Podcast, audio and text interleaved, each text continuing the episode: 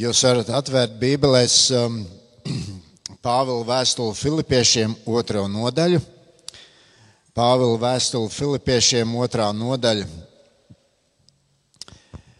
Un uh, es šodien lasīšu no 1 līdz 4 pantam. Vēstuli Filipiešiem otrā nodaļa no 1 līdz 4 pantam. Ja nu ir kāds iepriecinājums Kristu, ja kāds mīlestības mierinājums, ja kāda gara sadraudzība, kāda sirsnība vai līdzcietība, tad piepildiet manu prieku, turēdamies vienā prātā, lolodami vienu mīlestību, dvēselēs vienoti ar vienu mērķi, nestrīdēdamies ne tukšā lielībā, bet pazemībā citu citu uzskatīdami augstāku par sevi neraudzīdamies katrs uz savām, bet arī uz citu vajadzībām. Paldies, Tev, debes Tēvs, par Tavu vārdu, par Tavu atgādinājumu mums šodien. Un tas mums ir tik ļoti nepieciešams. Tik ļoti mums nepieciešams arī šodien ir uh, ielūkoties sevi un uh, ieraudzīt, kur es esmu. Attieksmē pret tevi, kungs, kur es esmu savās attiecībās ar saviem līdzcilvēkiem. Un, kungs, es gribu lūgt, lai šīs mūsu pārdomas arī mūs mudinātu būt pateicīgiem par to, ko tu esi darījis mūsu dzīvēm būt pateicīgiem par cilvēkiem mums blakus, par tām iespējām, kas mums ir dotas. Svētī mūsu pārdomas, mēs pazemībā gribam tuvoties tavam vārdam un no tā mācīties. Amen. Lūdzu, sēdieties.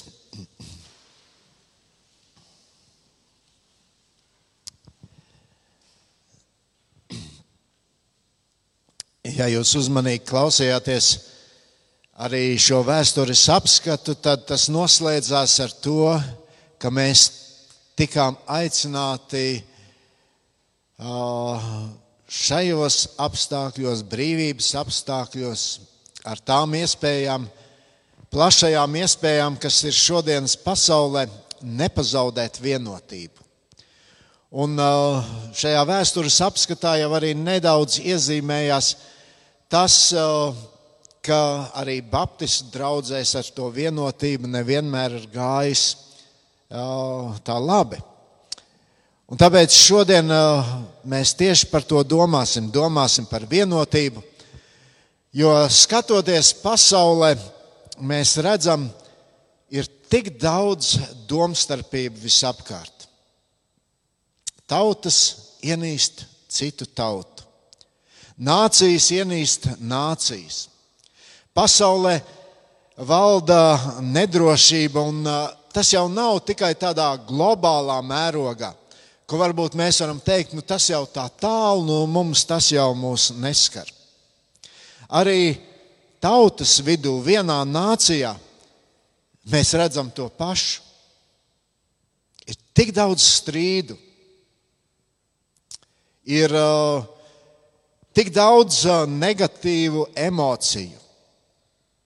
Nav vienprātības. Un liekas,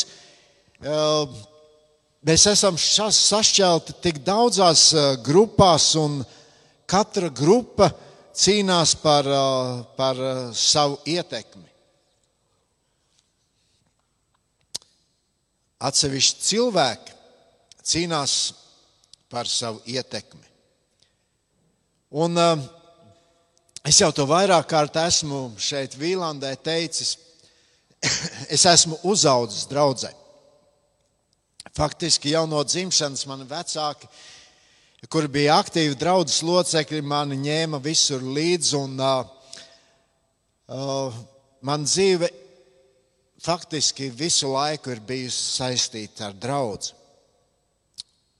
Kad es domāju, par cilvēkiem, kuri ir draudzē, tad esmu sastapis cilvēkus, kuri tiešām patiesi ilgojas pēc tādas vienotības draudzē. Bet tajā pat laikā ir sasto, sastopami arī cilvēki, kuri savā starpā var nerunāt gadiem. Gadiem. Tāda ir pasaule, kādā mēs šodien dzīvojam. Nav īsti miera atrodama. Nav tādas īstas vienotības.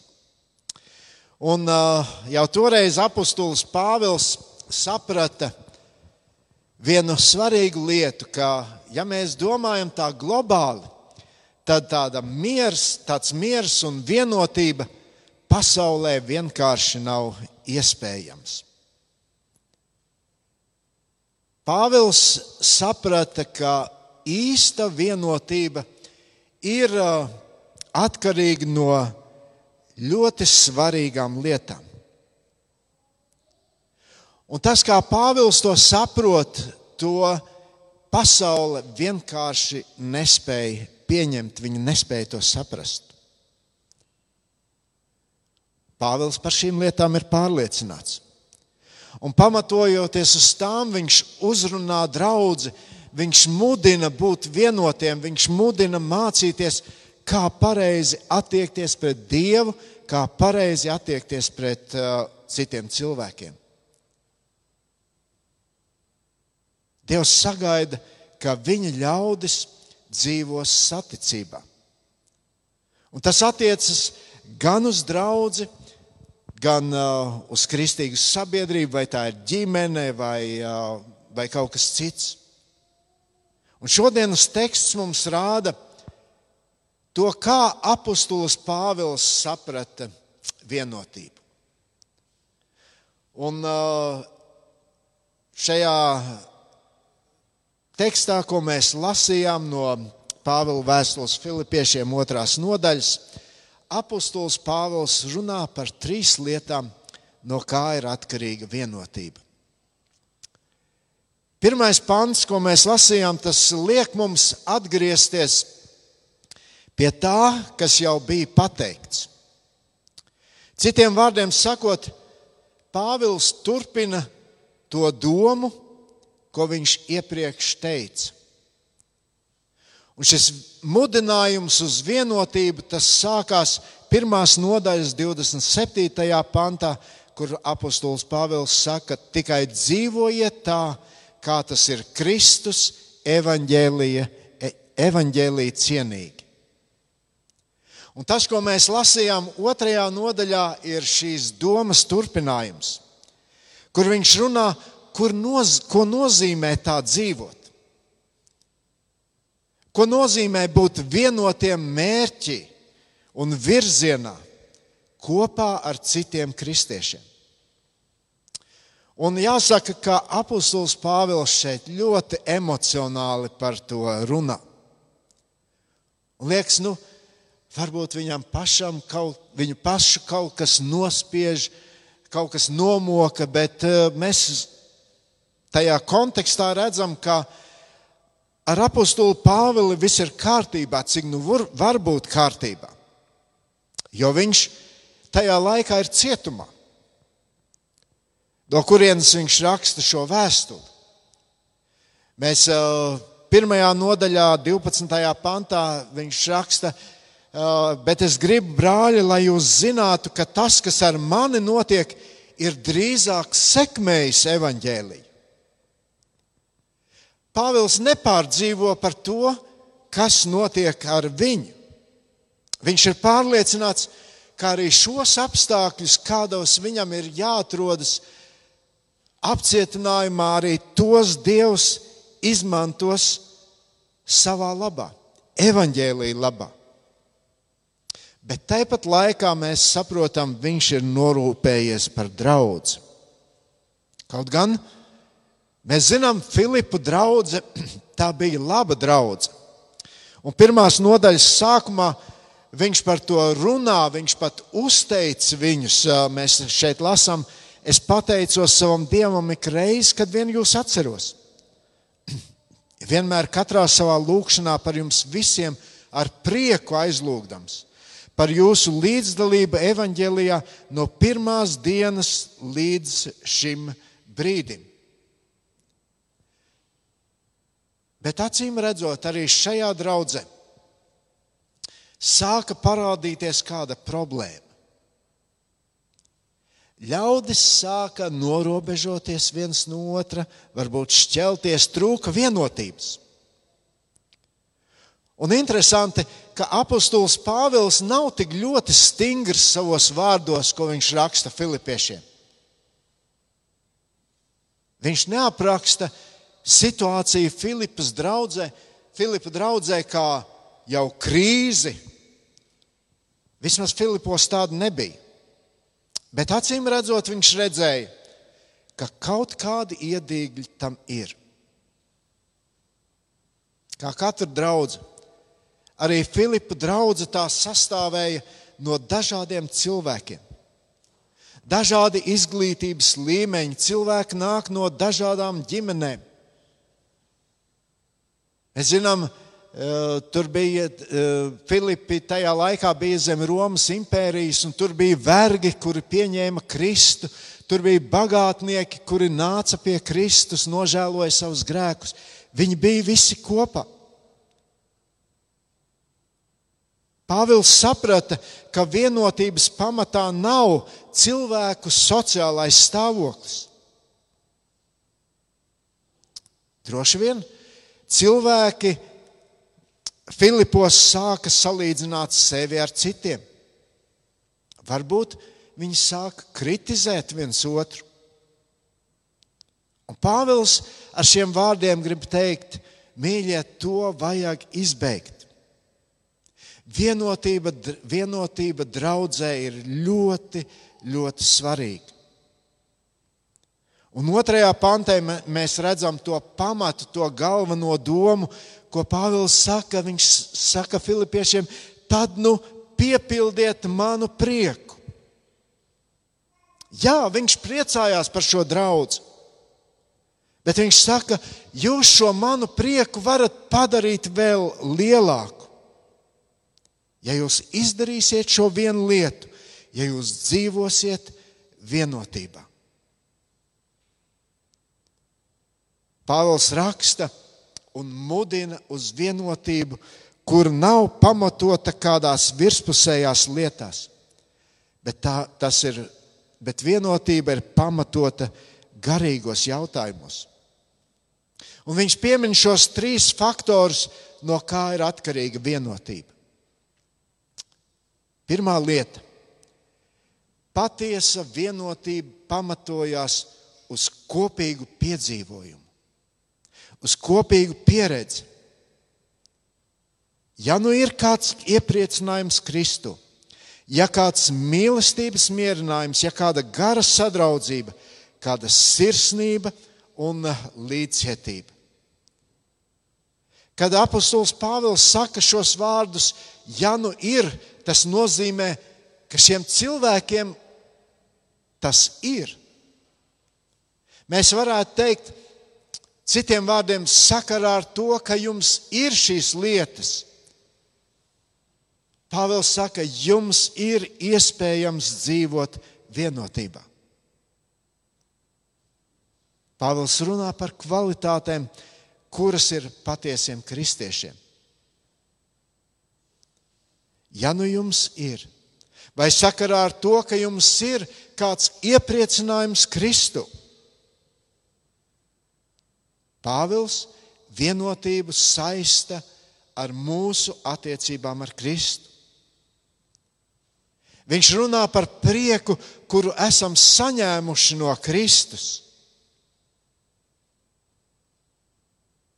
Viņš runā par šo piedzīvojumu, viņš runā par glābšanu, viņš runā par šo jaunpiedzimšanas brīdi kur ik viens no mums mēs garīgi bijām bankrotējuši. Un Dievs piepilda mūs ar šo prieku, piedodot mūsu grēkus.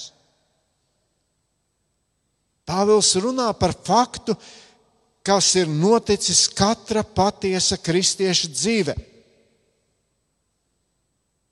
Viņi ir dzirdējuši evaņģēlīju vēsti. Viņi ir atsaukušies tai, viņi ir nožēlojuši grēkus, saņēmuši grēku piedošanu. Un viņus piepilda šis prieks par to, kas ir piedzīvots.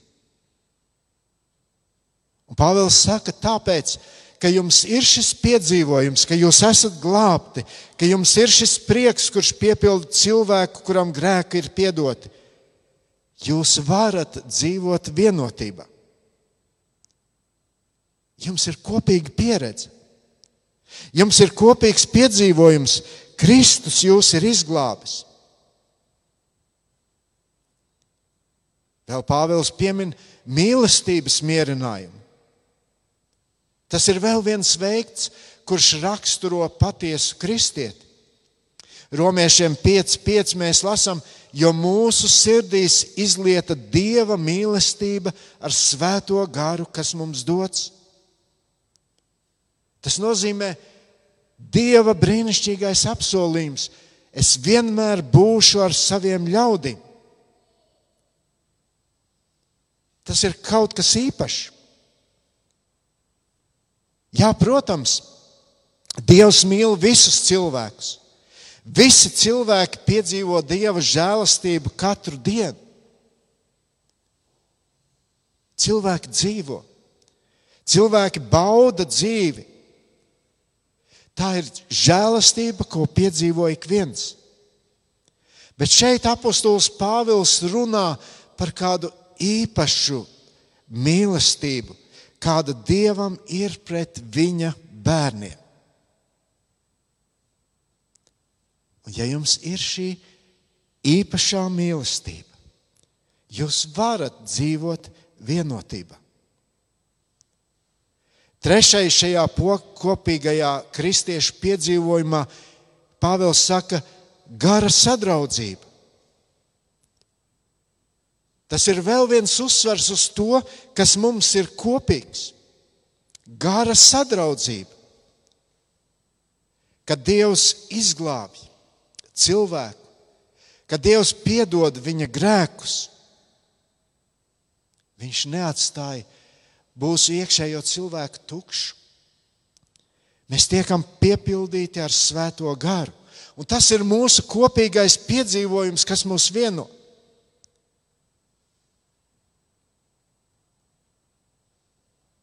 Mēs varam aizbraukt uz jebkuru vietu pasaulē, un tad tu sastopi kristieti, tad tu jūti, ir šī sajūta, mēs esam vienoti. Kaut kas ir tas, kas mūs sien kopā. Tā ir šī gara sadraudzība. Un tad Pāvils vēl runā par sirsnību un līdzcietību mēs esam saņēmuši īpašu sirsnību un līdzcietību no Dieva. Viņš ir bijis žēlīgs, piedodot man manus grēkus. Viņš nedara to, ko es biju pelnījis. Un ik viens no mums, mēs esam pelnījuši viņa dusmas, bet tā vietā esam saņēmuši žēlsirdību. Tās ir lietas, ko mēs esam ik viens kā kristietis saņēmis no Dieva. Un tas ir pamats, kas mūs vieno. Katrs Dieva bērns pazīst prieku Kristu. Viņš saņem šo īpašo Dieva mīlestību. Viņa mā, viņā mājo svētais gars. Viņš saņem no Dieva viņa līdzcietību. Un Pāvils aicina dzīvojiet, lai ir redzama, redzams, ka jūsu piedzīvojums tiešām ir. Lai tas ir redzams, ka šis kopīgais piedzīvojums tas jūs vieno. Atcerieties vārdus, ko Jēzus teica mācekļiem pēdējās vakariņās, augšstabā. Viņš teica, no tam visi pazīs, ka jūs esat mani mācekļi, ja jums būs mīlestība savā starpā. Un Pāvils arī mums šodien, mūs šodien aicina neaizmirstiet šīs lietas. Pateicieties par to, ko Dievs ir darījis jūsu dzīvē. Un tad, ja arī ir kādas problēmas, tad ar šīm problēmām sastopoties, tās kļūst mazas, jo mēs ieraugam, cik daudz Dievs mūsu labā ir darījis. Un tas ir tas, kas mūs vieno. Tad apustulis Pāvils piemin vēl otru lietu, no kā ir atkarīga vienotība. To mēs redzam otrajā pantā. Pāvils runā par kopīgu uzticību evaņģēlijam. Un sakot šos vārdus, tad piepildiet manu prieku, turēdamies vienā prātā, lolodami vienu mīlestību, dvēselēs vienoti ar vienu mērķi. Liekas, ka Pāvils, gribot uzsvert šo domu, izsaka tādus līdzīgus teikumus, jeb frāzes. Mēs varētu teikt, pirmā un ceturtā lieta it kā pasaka kaut ko vienu kopīgu, un arī otrā un trešā. Pāvils saka, tad piepildiet manu prieku, turēdamies vienā prātā un ar vienu mērķi. Tas nenozīmē, ka mums šodien draudzē nedrīkst būt dažādi viedokļi. Nē, Bet Pāvils runā par kopīgu mērķi, uz kuru draudzene vienprātīgi iet.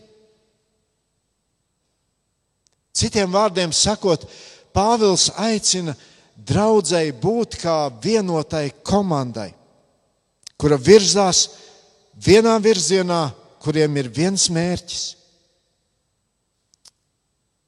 Un varbūt mums ir dažādas domas. Varam šeit pastrīdēties, Un galu galā dzīve jau tad būtu pavisam garlaicīga, ja visi vienādi domātu. Bet svarīgi ir šī kopība un kopā virzīties uz šo vienu mērķi. Gan dzīvē, gan kalpošanā. Un tad Pāvils vēl saka, piepildiet manu prieku, lūlādami vienu mīlestību un dvēselēs vienot. Te iet runa par mūsu attiecībām ar citiem. Mīlēt savu brāli un māsu. Ejot uz šo kopīgo mērķi, ir ļoti svarīga šī harmonija draudzē. Apzinoties, tas ir mūsu kopīgais mērķis. Un te vietā mums ir jautājums, kas tad ir draudzes kopīgais mērķis. Ja mēs skatāmies šo kontekstu, kā Pāvils ar to runā, es esmu pārliecināts, ka viņš grib ļoti uzsvert tieši šo, ka tas ir evaņģēlijs. Ja mēs paskatāmies atpakaļ pirmā nodaļā, tik daudzas reizes apustulis Pāvils piemin vārdu evaņģēlijs. 1,5. Pāvils slavē filipiešus par viņu līdzdalību evaņģēlijā no pirmās dienas līdz šim. 7. pantā Pāvils runā par evaņģēlīju aizstāvēšanu un nostiprināšanu. 12. pantā Pāvils saka, ka apstākļi, kādos viņš tagad atrodas, ir sekmējuši evaņģēlīju. 16. pantā iet runa atkal par evaņģēlīju aizstāvēšanu. Un 27. pantā mēs lasījām, Pāvils aicina dzīvot tā, lai tas ir evaņģēlīja cienīgi. Un tas pirmais pants, otrajā uh, nodaļā mēs jau domājam par to, tas ir rezultāts, evaņģēlīja darbības rezultāts mūsu dzīvēm. Un šis konteksts mūs ved pie tā, ka mūsu mērķis, mūsu kopīgais mērķis kā draudzē, un tam ir jāvieno mūs kā draudzē, ir evaņģēlijs. Mēs pasludinām evaņģēliju. Mēs dzīvojam ar evaņģēliju. Un kad mēs katrs to apzināmies un esam uzticīgi tam, tas mūs vieno. Tikai evaņģēlijas var vienot cilvēkus tā pa īstam. Un evaņģēlijas ir arī vienīgā cerība šodienas pasaulē. Ziniet, kāpēc? Jo vienīgi evaņģēlijas aicina cilvēku nokāpt no troņa, kur viņš pats sevi ir uzcēlis, un pazemoties, locīt ceļus Kristus priekšā. Tikai tas var vienot. Ja evaņģēlijas, Dieva vārds draudzē ieņems centrālo vietu, tas mūs vienos. Un tad vēl trešā lieta, ko Pāvils saka par vienotību. Viņš saka, vienotība ir atkarīga no kopīgām vērtībām. Mēs lasījām 3. un 4. pantā. Nestrīdēdamies, ne tukšā lielībā, bet pazemībā citu citu uzskatīdami augstāk par sevi, neraudzīdamies katrs uz savām bet arī uz citu vajadzībām. Un te Pāvils liekas maina kaut ko savā runas stilā vai rakstīšanas stilā, un viņš sāk runāt ļoti personīgi. Viņš it kā uzrunā katru Filipu kristieti personīgi. Viņš šodien caur šiem vārdiem uzrunā mūsu katru personīgi. Pāvils aicina noliec šodien malā savas personīgās ambīcijas. Beidz izcelt sevi. Pāvēlam bija pieredze ar šīm lietām. Viņš ar to sastapās it sevišķi Korintas draudzē. Un viņam tik ļoti tas sāpēja, cik sašķelta bija draudzene toreiz. Viņš redzēja, tur ir tik daudz grupas, un katra grupa seko savam vadītājam. Un tāpēc Pāvils šeit vēršas pie katra personīgi un saka, to nevajag darīt. Tas rada strīdus. Viņš saka, neko nedariet tukšā lielībā. Pāvils pats par sevi saka, ka viņš ne ar ko citu negrib lielīties, kā tikai ar Kristu.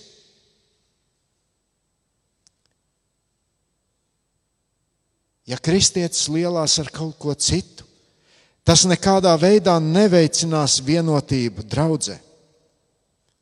Jo draudzē Dievam pienākas visgods un slava tukša lielība, kā mēs šeit lasījām. Tas nozīmē, ka mēs mēģinām atņemt dievam godu, kas pienāks tikai viņam.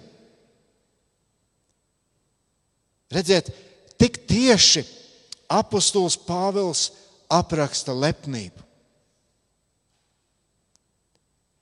Ja otrs domātu pareizi, tad viņš noteikti domātu, kā es domāju. Un tā cilvēks sevi ieceļ par uh, augstāko autoritāti. Un ja arī draudzē šīs lietas sāk parādīties, tad uh, draudzene var pārvērsties par vietu, kur šie mazie dieviņi skraida apkārt. Un tad tur nav iespējama nekāda vienotība. Ziniet, ko Dievs domā par lepnību. Salamana pamācībā, sestajā nodaļā, ir teikts, ka viņš to ienīst. Viņš to ienīst. Lai būtu vienotība draudzē, ir vajadzīga šī kopīgā vērtība. Šeit viss gods un slava pienākas Dievam. Un to sauc par pazemību. Tā ir lieta, ko Dievs vienmēr sagaida no saviem ļaudīm. Par pazemību ir tik daudz runāts vecajā derībā. Un Dievam tur ļoti bieži bija jārīkojas, lai sagrautu cilvēku lepnību. Un Dieva vārds saka, ka Dievs sagrauj lepnos un paaugstina pazemīgos. Nu, viens piemērs nāk prātā no vecās derības, un tas ir ķēniņš Nebukadnecers. Mēs par viņu lasām Daniela grāmatā. Šis vīrs, kurš uzcēla varanu valsti, viņš skatās uz savu valsti un saka, redzat, redzat, ko es esmu sasniedzis. Viņš visu pieraksta sev. Un tad Dievs izlemj rīkoties. Viņš pazemo šo cilvēku. Mums šodien liktos, nu, briesmīgi. Septiņus gadus viņš dzīvoja kā dzīvnieks. Pēc septiņiem gadiem Dievs viņam deva atpakaļ saprātu. Un tad paklausieties, ko šis cilvēks saka. Mēs lasām Daniela grāmatas 4. nodaļā. Viņš saka, es nebūtu necers. Tagad slavēju un godinu un augstu teicu debesu ķēniņu. Jo visi viņa darbi ir patiesība un visi viņa ceļi ir taisnība. Viņš var pazemot tos, kas lepnībā staigā. Ja mēs lasām jauno derību, vislielākais piemērs mums pazemībā ir pats Kristus. Un ko viņš dara? Viņš aicina pie sevis cilvēkus, aicina sekot viņus, un viņš saka, mācieties no manis. Jo es esmu lēnprātīgs un no sirds pazemīgs. Tad jūs atradīsiet atvieglojumu savām dvēselēm. Cik ļoti bieži ir grūti to saprast. Un atcerieties, mācekļi ilgi to nespēja saprast, viņi nespēja tam pieķerties. Kas nodarbināja viņu domas? Viņi domāja par to, kurš būs lielākais, kurš sēdēs kristumu pa labo, kurš pa kreiso roku, kurš viņam būs tuvāk, kuram būs vairāk varas. Viņi absolūti nespēja ieklausīties, kad Jēzus saka, es neesmu nācis, lai man kalpotu, bet es esmu nācis, lai kalpotu. Un arī tad, kad Jēzus to tik uzskatām parādīja, arī tad viņiem vēl ir grūti to pieņemt. Tur augšstabā viņš mazgā mācekļiem viņu kājas. Ar to pasakot, pazemība izpaužas, kad cilvēks otru uzskata par augstāku par sevi. Jā, to nebija viegli saprast tā laika sabiedrībā. Un bieži vien to ir grūti saprast arī mums šodien. Mēģināt ieraudzīt sevi tādu, kādu Dievs mani redz. Tas ir labākais veids, kā sevi nepaukstināt. Pāvils saka, ka viņš ir vislielākais no grēciniekiem. Rakstot vēstules, viņš saka, vismazākais no apstuļiem, vismazākais no svētajiem. Baznīcas tēvam Augustinam reiz jautāja, kas ir pats svarīgākais reliģijā. Un viņš atbildēja, pazemība. Viņam turpināja uzdot jautājumu un jautāja, kas ir otra svarīgākā lieta. Viņš atbildēja, pazemība. Kas trešā? Atkal atbild bija pazemība. Mīļie, pazemība ir tik svarīga vērtība Kristus draudzē. Tāpēc, lai tā varētu būt vienota. Un kā jau mēs lasījām, diemžēl vēsture rāda, ka arī Baptistu draugzēs ar to ir visādi gājis. Lai Dievs palīdz mums šodien neuzkāpt uz tā paša grābekļa. Lai Dievs palīdz mums ņemt vērā šos Pāvila atgādinājumus arī šodien. Esiet vienoti. Un šīs vienotības pamatā ir tas mūsu kopīgais piedzīvojums. Neaizmirsīsim vienmēr pateikties par to, ko Dievs dara mūsu dzīvēm, par viņa glābšanu Vienotības pamatā ir mūsu kopīga uzticība evaņģēlijam. Rūpēsimies par to. Un trešā lieta - tās kopīgās vērtības, kuras svarīgākā ir pazemība. Lūksim Dievu. Debes Tēvs, Paldies, ka šodienas sašķeltajā sabiedrībā, pasaulē, kurā nevar atrast ne mieru, ne saskaņu, tomēr ir kāda brīnišķīga vieta, saliņa, kur tavi ļaudis var dzīvot vienotībā. Un mēs šajā dienā gribam pateikties par draugu.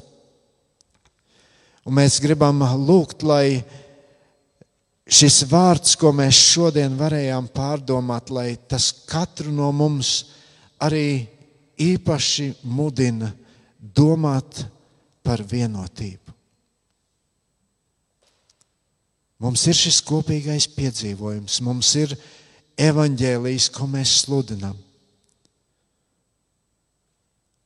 Un mēs esam tik dažādi cilvēki, kurus mēs varam uzlūkot ar mīlestību. Nepaukstinot sevi, bet ieraudzīt katrā cilvēkā tavu līdzību. Un kā arī tu viņu esi glābis. Un kā arī tu joprojām turpini mīlēt viņu. Devis Tēvs, es ļoti lūdzu, lai to arī mūsu kā Vīlanas draugs īpaši stiprina šajā laikā. Un palīdz mums par to domāt, to sargāt un par to rūpēties. Jēzus vārdā to lūdzam. Āmen!